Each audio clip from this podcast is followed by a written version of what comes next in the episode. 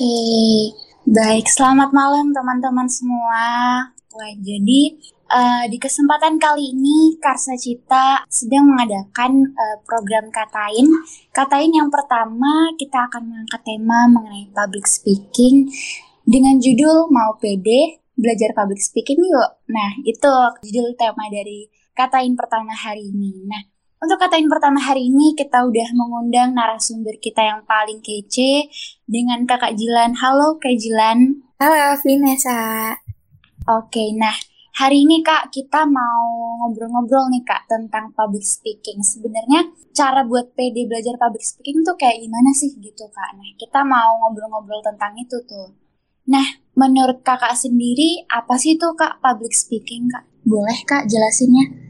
Oke, okay, mungkin kalau dari aku sendiri, public speaking itu adalah act of menyampaikan informasi, baik itu kepada halayak umum, masa yang banyak gitu ya, atau bisa juga ke beberapa orang aja gitu. Jadi sebenarnya menurut aku sendiri public speaking itu nggak mesti memiliki audiens yang besar. Nah, terus dalam act of public speaking itu sendiri, bisa aja informasi yang disampaikan tuh bisa yang berbentuk kayak formal dan serius gitu, misalnya pengetahuan, um, atau misalnya kayak informasi-informasi yang penting gitu. Tapi bisa juga dalam konteks yang mungkin agak ringan ringan gitu, lebih santai kayak misalnya stand up comedy di mana itu tuh tujuannya untuk menghibur ya pastinya.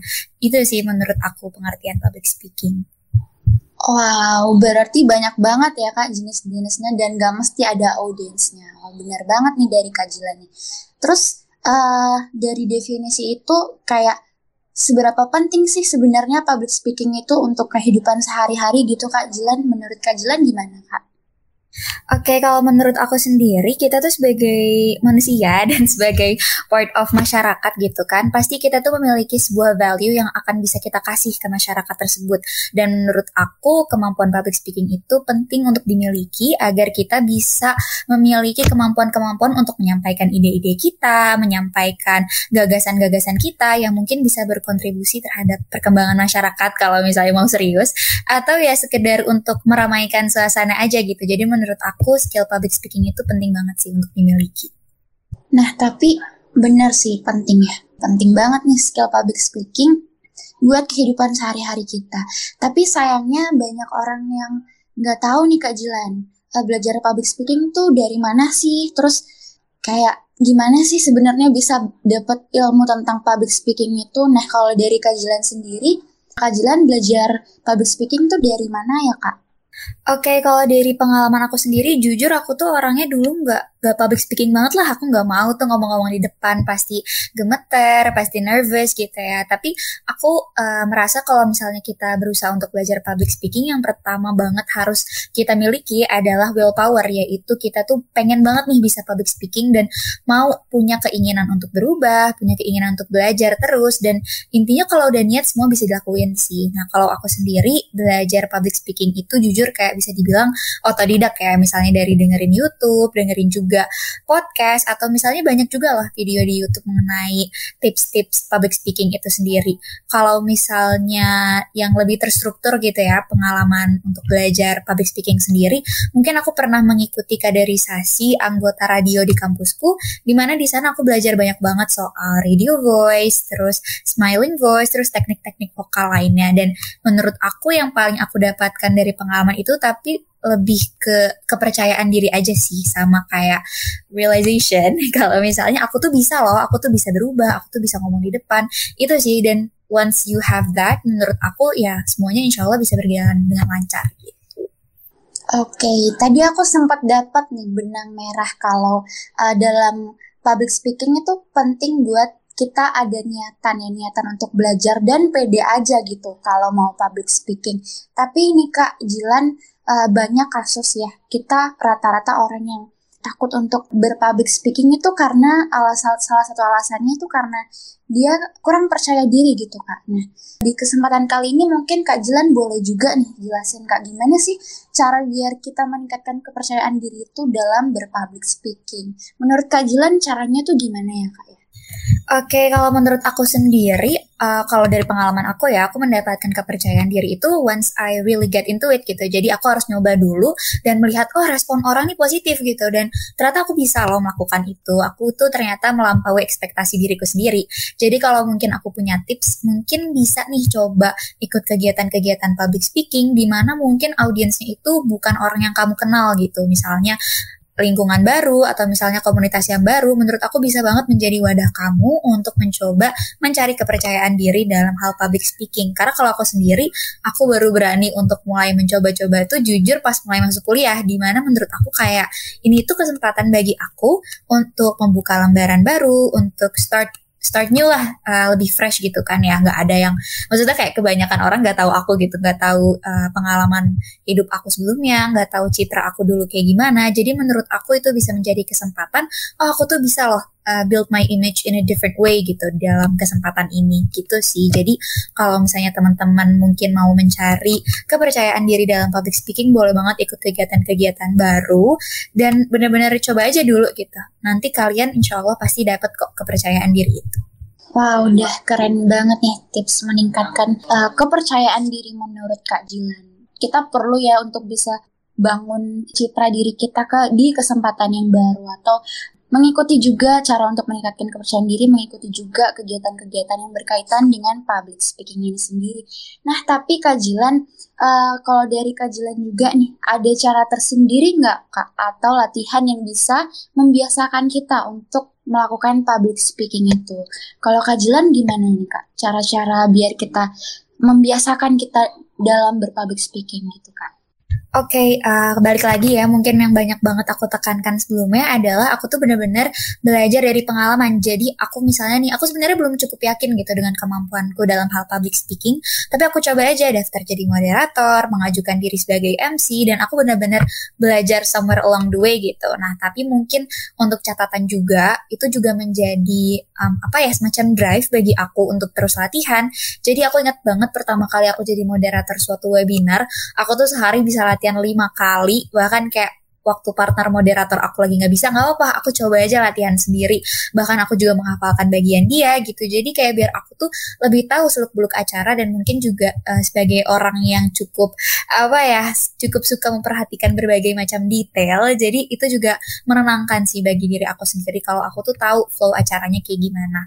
Mungkin itu sih yang bisa aku tekanin tuh ya coba aja dulu dan latihan pastinya Oke, berarti kajilan nih kayak op, tipe yang observasi banget gitu ya, melihat setiap detail-detail dan terus latihan juga menjadi moderator, MC dan lain sebagainya. Wah, benar banget nih. Kita perlu mengambil kesempatan yang berharga dari semua peluang yang ada biar kita terbiasa untuk public speaking. Nah, kajilan mungkin ada ya uh, untuk orang yang masih newbie dalam berpublic speaking ini kajilan. Salah satu penghambatnya selain dari kurang percaya diri, uh, menurut aku dan beberapa yang bisa kita lihat di sekitar kita ya, ada loh orang yang nervous saat public speaking gitu, nah kajilan. Nah mungkin uh, yang aku pengen nanya ke kajilan ini, gimana sih cara menangani diri saat nervous saat melakukan public speaking? Jadi ketika public speaking itu biar nggak nervous tuh gimana ya Kak Jilan? Oke, okay, kalau dari aku sendiri, um, pertama yang aku lakuin tentunya adalah uh, make sure that I am prepared. Jadi menurut aku sendiri, kalau misalnya aku tuh udah persiapan, aku tahu aku tuh tahu seluk beluk acaranya, aku juga tahu flow acaranya kayak gimana, dan aku tahu cara handle misalnya ada kejadian-kejadian yang gak diinginkan, aku tuh jadi jujur lebih tenang dan lebih fokus dan juga uh, mengurangi kenervousan itulah bisa dibilang. Nah, tapi kalau selain itu ya balik lagi ke latihan ya intinya kayak latihan tuh penting banget.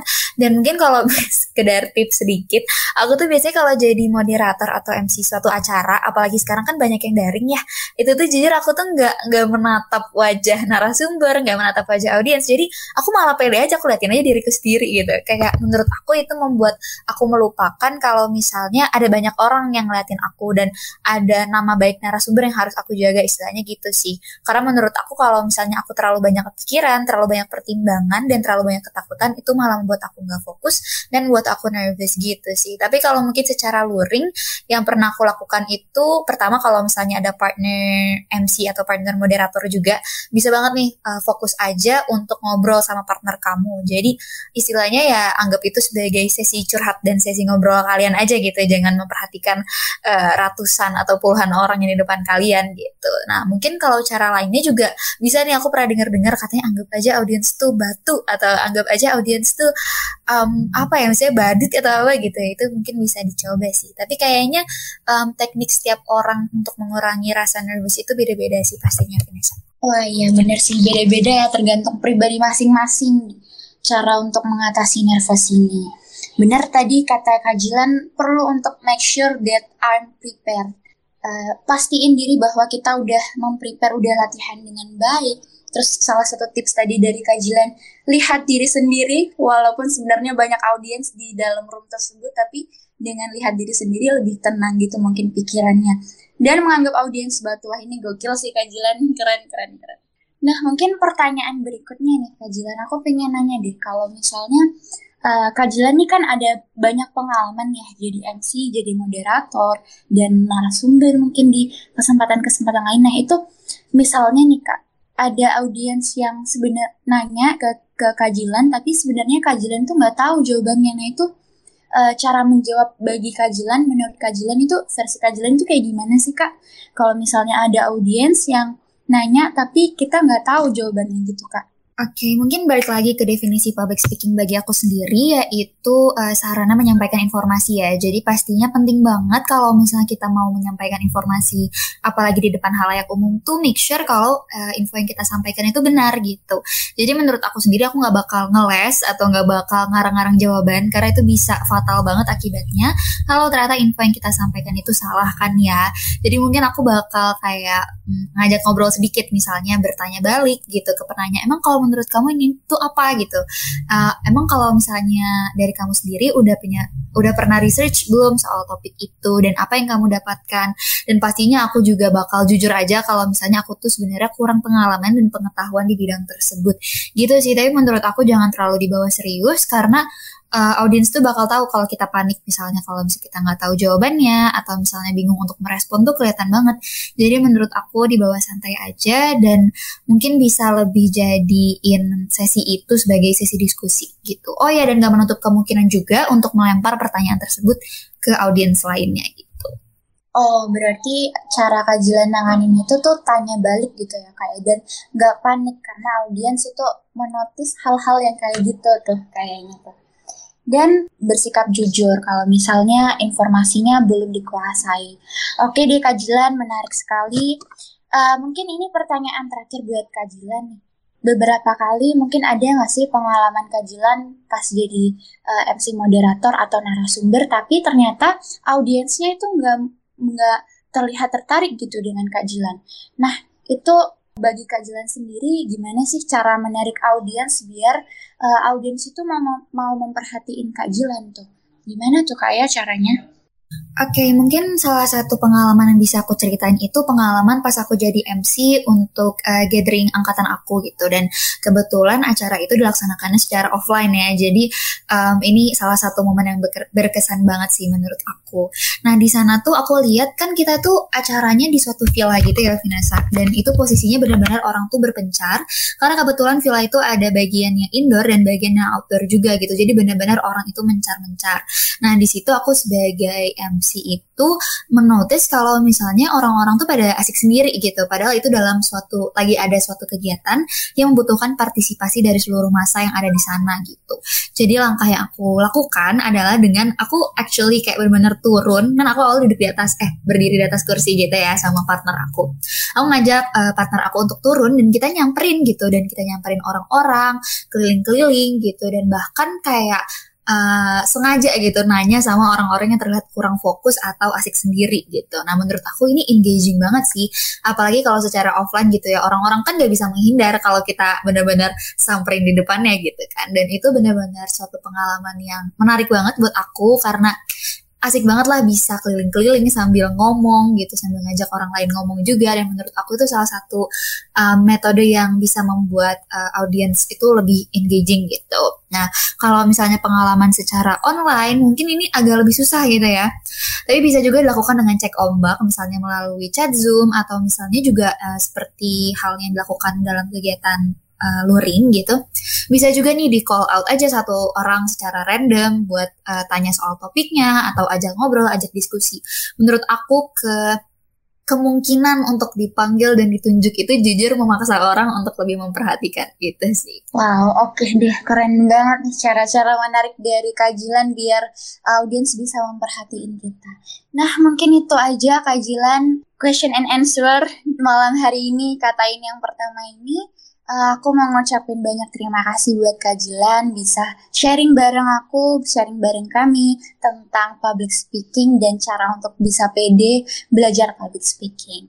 Oke di Kajilan mungkin gitu aja Kak. Uh, mungkin Kajilan mau menyampaikan pesan penutup atau closing statement buat teman-teman yang mau lebih belajar public speaking, boleh Kajilan silahkan.